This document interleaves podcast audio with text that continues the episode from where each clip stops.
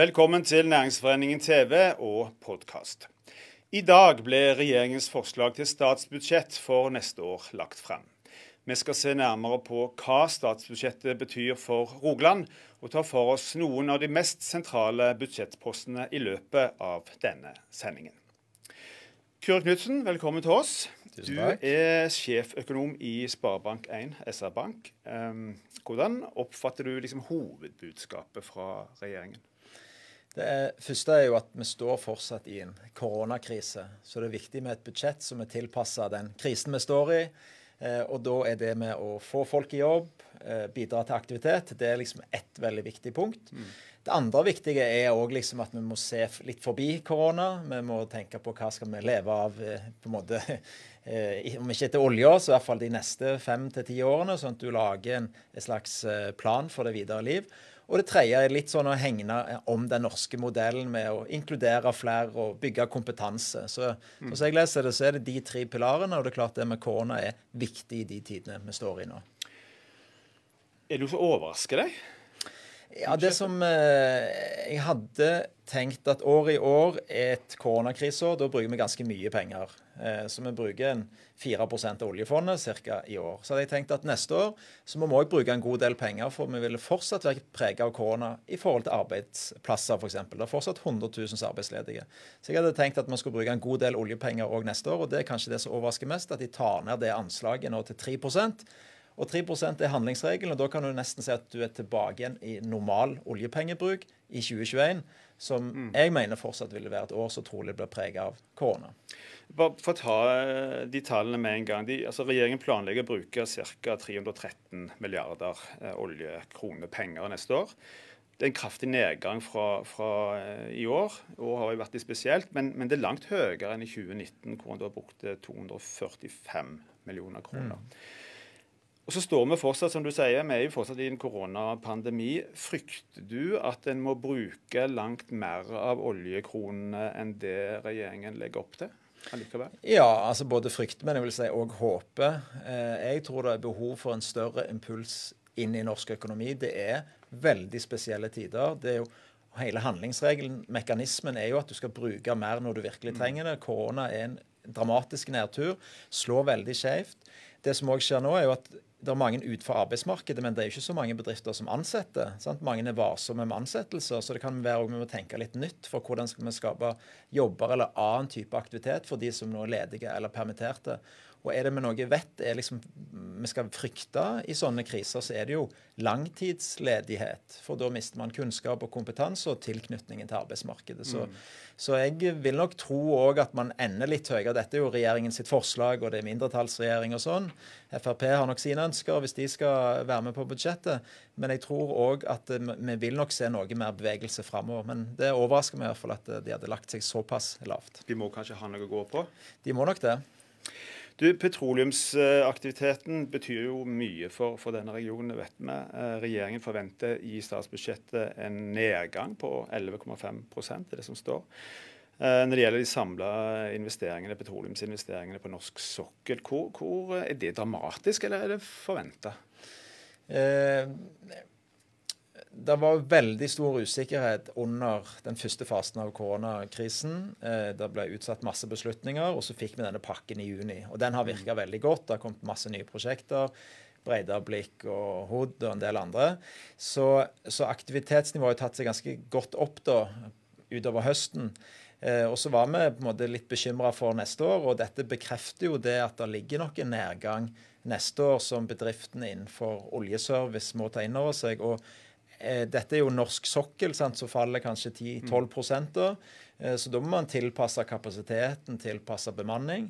Og så er det òg sånn nå i forhold til forrige oljenedgang, så er det jo mer utfordringer i andre næringer òg. Eksportsida er jo ikke like enkel som den var den gangen. Ok, Det er satsing på infrastruktur, men innenfor havbruk er det uh, mer usikre tider. Uh, sånn at det er flere næringer nå som òg møter koronautfordringer, som gjør at det ikke er så lett for masse av disse bedriftene å gå over i andre næringer heller. Så vi må i hvert fall tenke litt nøye gjennom hva det betyr dette for Rogaland for 2021, at oljeinvesteringene er på vei ned.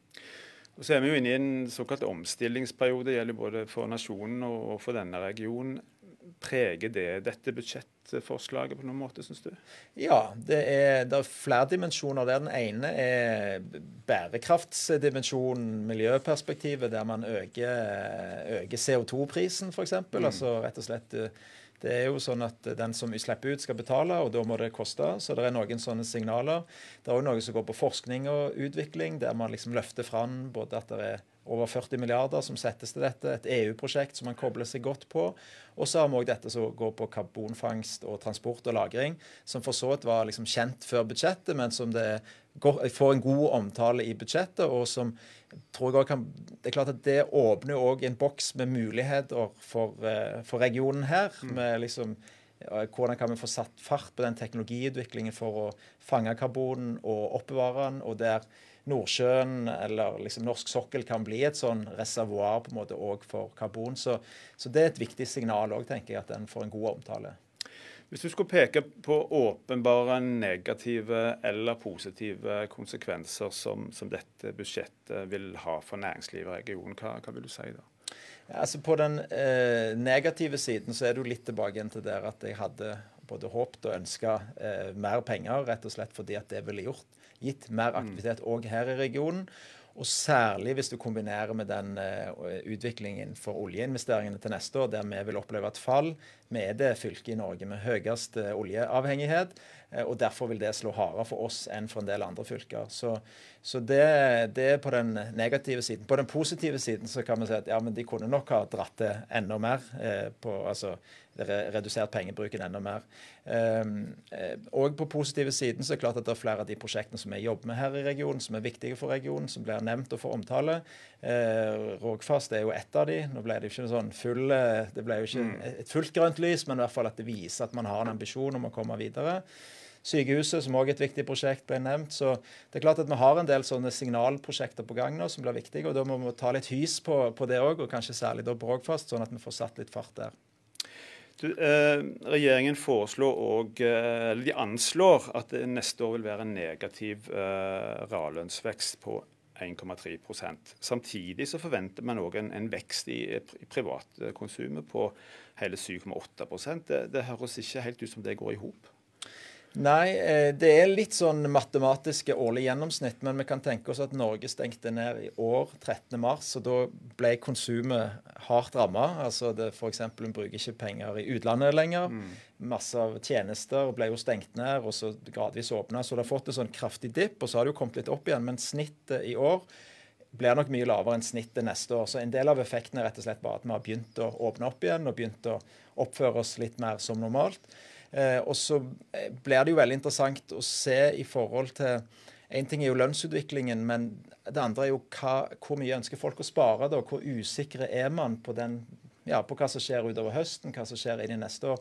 For det blir litt X-faktoren òg. Hvis bedrifter, hvis folk nå begynner å tenke nei, nå må vi virkelig sette på håndbremsen her for å spare mm. mer penger for å kunne stå imot det, mer utfordrende tider, så vil det kunne gå utover konsum igjen. Men vi ser det jo på mange områder. Vi ser boligtallene som kom nettopp med veldig mange omsetninger. Prisene stiger. Vi ser det på bilsalget, hytter, båter. Så det er ganske interessant. altså Den lommeboka fordi at vi har brukt såpass mye utlandet og såpass mye på tjenester, det har blitt mer begrensa, så har lommeboka tilgjengelig for innenlandsk forbruk på andre områder. Den har blitt mer blitt større sånn sett. Så når julehandelen eh, begynner, så er det mer naturlig å bruke pengene på lokale butikker i, i regionen enn å dra til London? Det er klart, det er jo nokså mange etter hvert som har tatt seg en tur til om det er London mm. eller København eller for å ja, ha en hyggelig helg, gjøre julehandelen. og det er nok ikke mange som gjør det denne julen her. Jeg, eh, jeg, I hvert fall for egen del og de jeg snakker med, så er det nå neste sommer kanskje selv den begynner å bli litt usikker. Eh, man holder seg stort sett i området. Mm. Kyrre Knutsen, tusen takk for at du kom til oss. Tusen takk. De siste dagene så har vi bl.a. kunnet høre at regjeringen vil øke lånerammen for SUS til det nye sykehuset. Nysnø får nye 700 millioner til investeringer. Kulturinstitusjoner i regionen vil få 13,2 millioner ekstra i forbindelse med koronapandemien. Dette er jo mange av de eh, såkalte lekkasjene som har eh, kommet i forbindelse med statsbudsjettet. Tormod eh, Andreassen, velkommen til oss du òg. Du er næringspolitisk leder i Næringsforeningen. Er dette et budsjett som næringslivet i regionen har grunn til å være fornøyd med? Ja. Det er et budsjett som peker fremover, og jeg føler at det er et budsjett som har en optimisme over seg. Hvis det hadde vært et, grunnen til å si det, hvis det hadde vært et pessimistisk eh, budsjett, så ville oljepengebruken vært mye høyere. For da hadde en venta at 2021 kommer til å bli en mye tøffere år enn det det ser ut som regjeringen og Finansdepartementet faktisk tror at det kommer til å bli.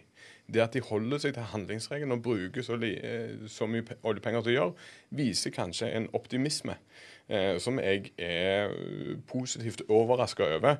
Og så er det jo da eh, viktig at de tiltakene som må komme, at de er innretta for å skape arbeidsplasser, nye arbeidsplasser og trygge de arbeidsplassene vi allerede har.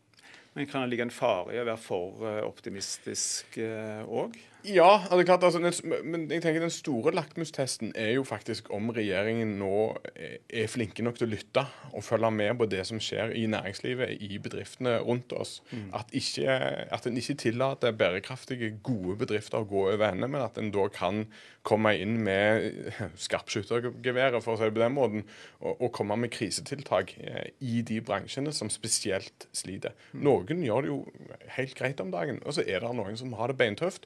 Da skal vi hjelpe de som har det beintøft. Og det er kanskje det regjeringen òg tenker. Så jeg tror nok at det statsbudsjettet vi ser eh, fremlagt i dag, er ikke det som kommer til å være sluttsummen når regningen gjøres opp om et år. Mm. La oss gå inn på enkelte punkter uh, som har betydning for, for uh, deler av næringslivet her. Annet så foreslår regjeringen å endre kraftskatten. Uh, åpne for at kraftselskap kan utgiftsføre investeringskostnader umiddelbart. Ikke over lengre tid, sånn som reglene er i dag. Dette er noe som Lyse bl.a. har vært opptatt av. Hva konsekvenser får det?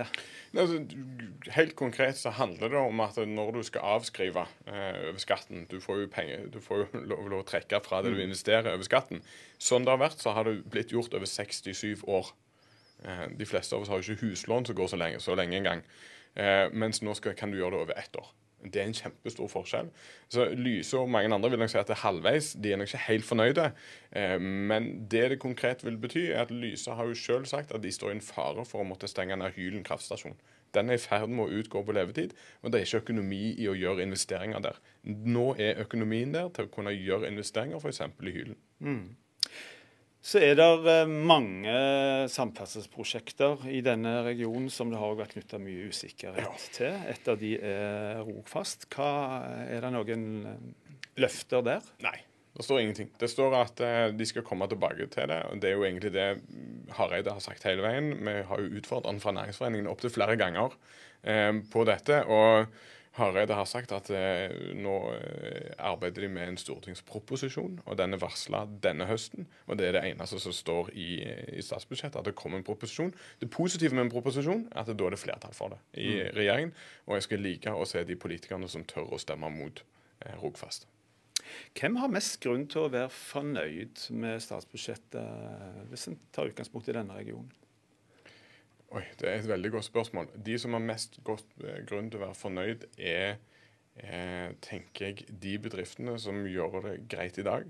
Som, har, eh, som ikke er så direkte ramma av koronapandemien som, som mange andre.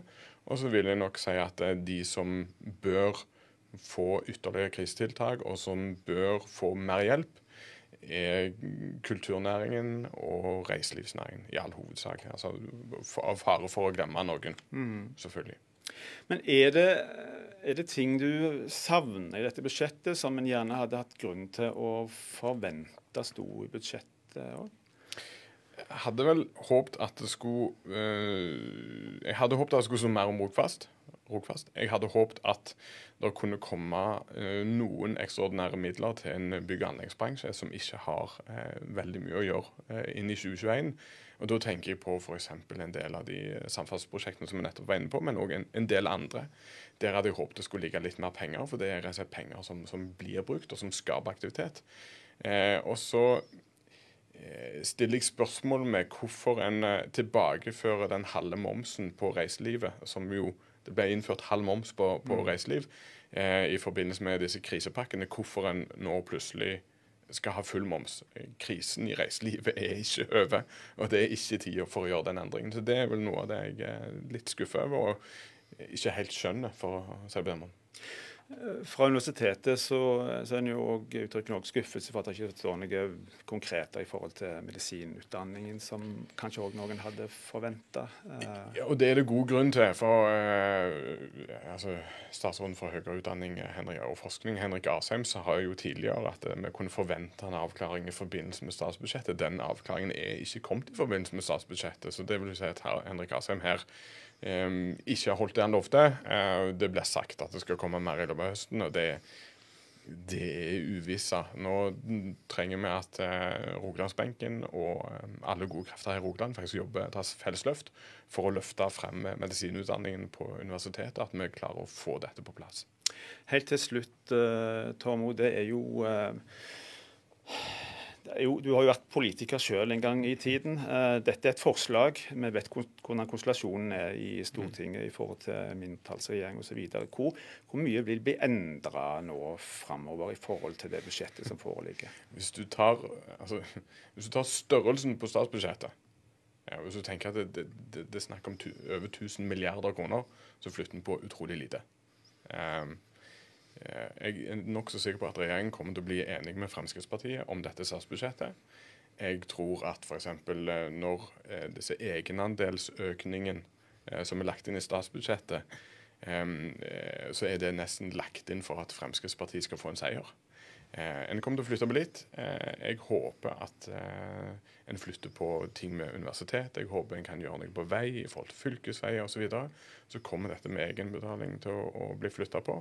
Eh, men summa summarum så er det relativt sett, i forhold til den totaliteten, så er det veldig lite som egentlig blir gjort. Tom Odd Andresen, tusen takk for at du kom til oss, du òg. Da er denne sendingen eh, slutt. Vi er tilbake igjen på mandag. Takk for at du så på oss.